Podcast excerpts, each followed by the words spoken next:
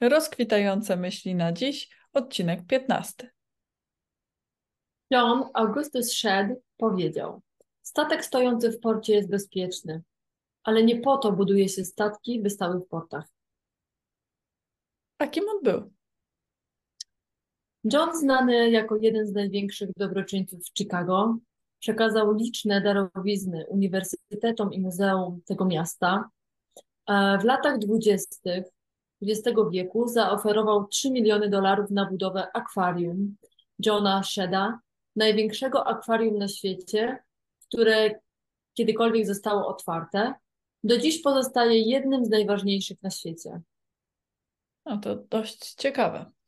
Może akwarium nawiązuje do statków e, i stąd ten jakże trafny cytat. E, Tam, gdzie jest bezpiecznie, nie wydarzy się nic ciekawego.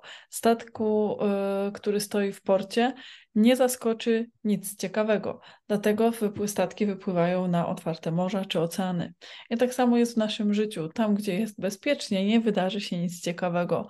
Dlatego warto brać na siebie różnego rodzaju ryzyko. Oczywiście musimy najpierw sprawdzić, czy to ryzyko, które jest, jesteśmy w stanie zaakceptować.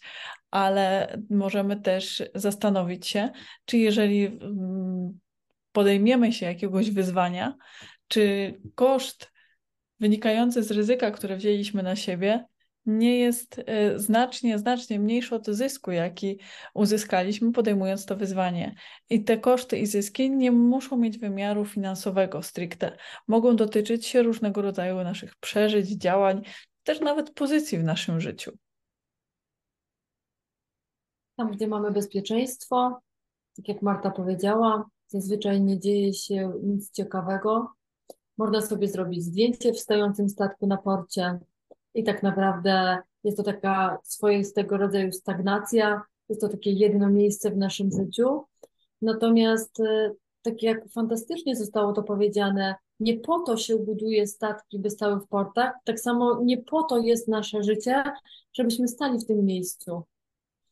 Spotkałam się z takim powiedzeniem, że dzieci są dla świata, a nie dla nas jako rodziców.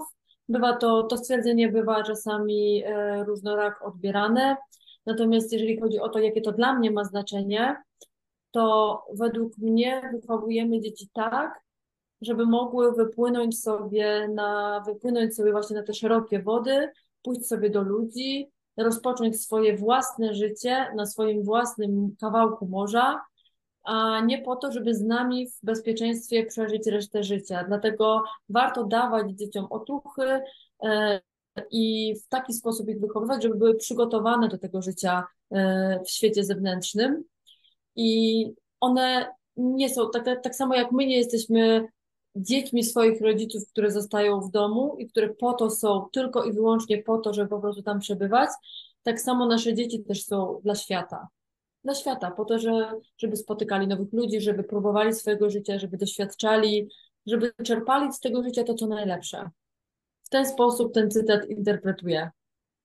Można też ten cytat y, przełożyć na to, że nie rodzimy się po to, żeby zostać, albo nie, zosta nie, nie jesteśmy poczynani po to, aby zostać w łonie matki, mimo tego, że tam jest bezpiecznie. I tutaj mam pytanie do Was. Czy zostajecie w porcie, czy wypływacie na otwarte wody?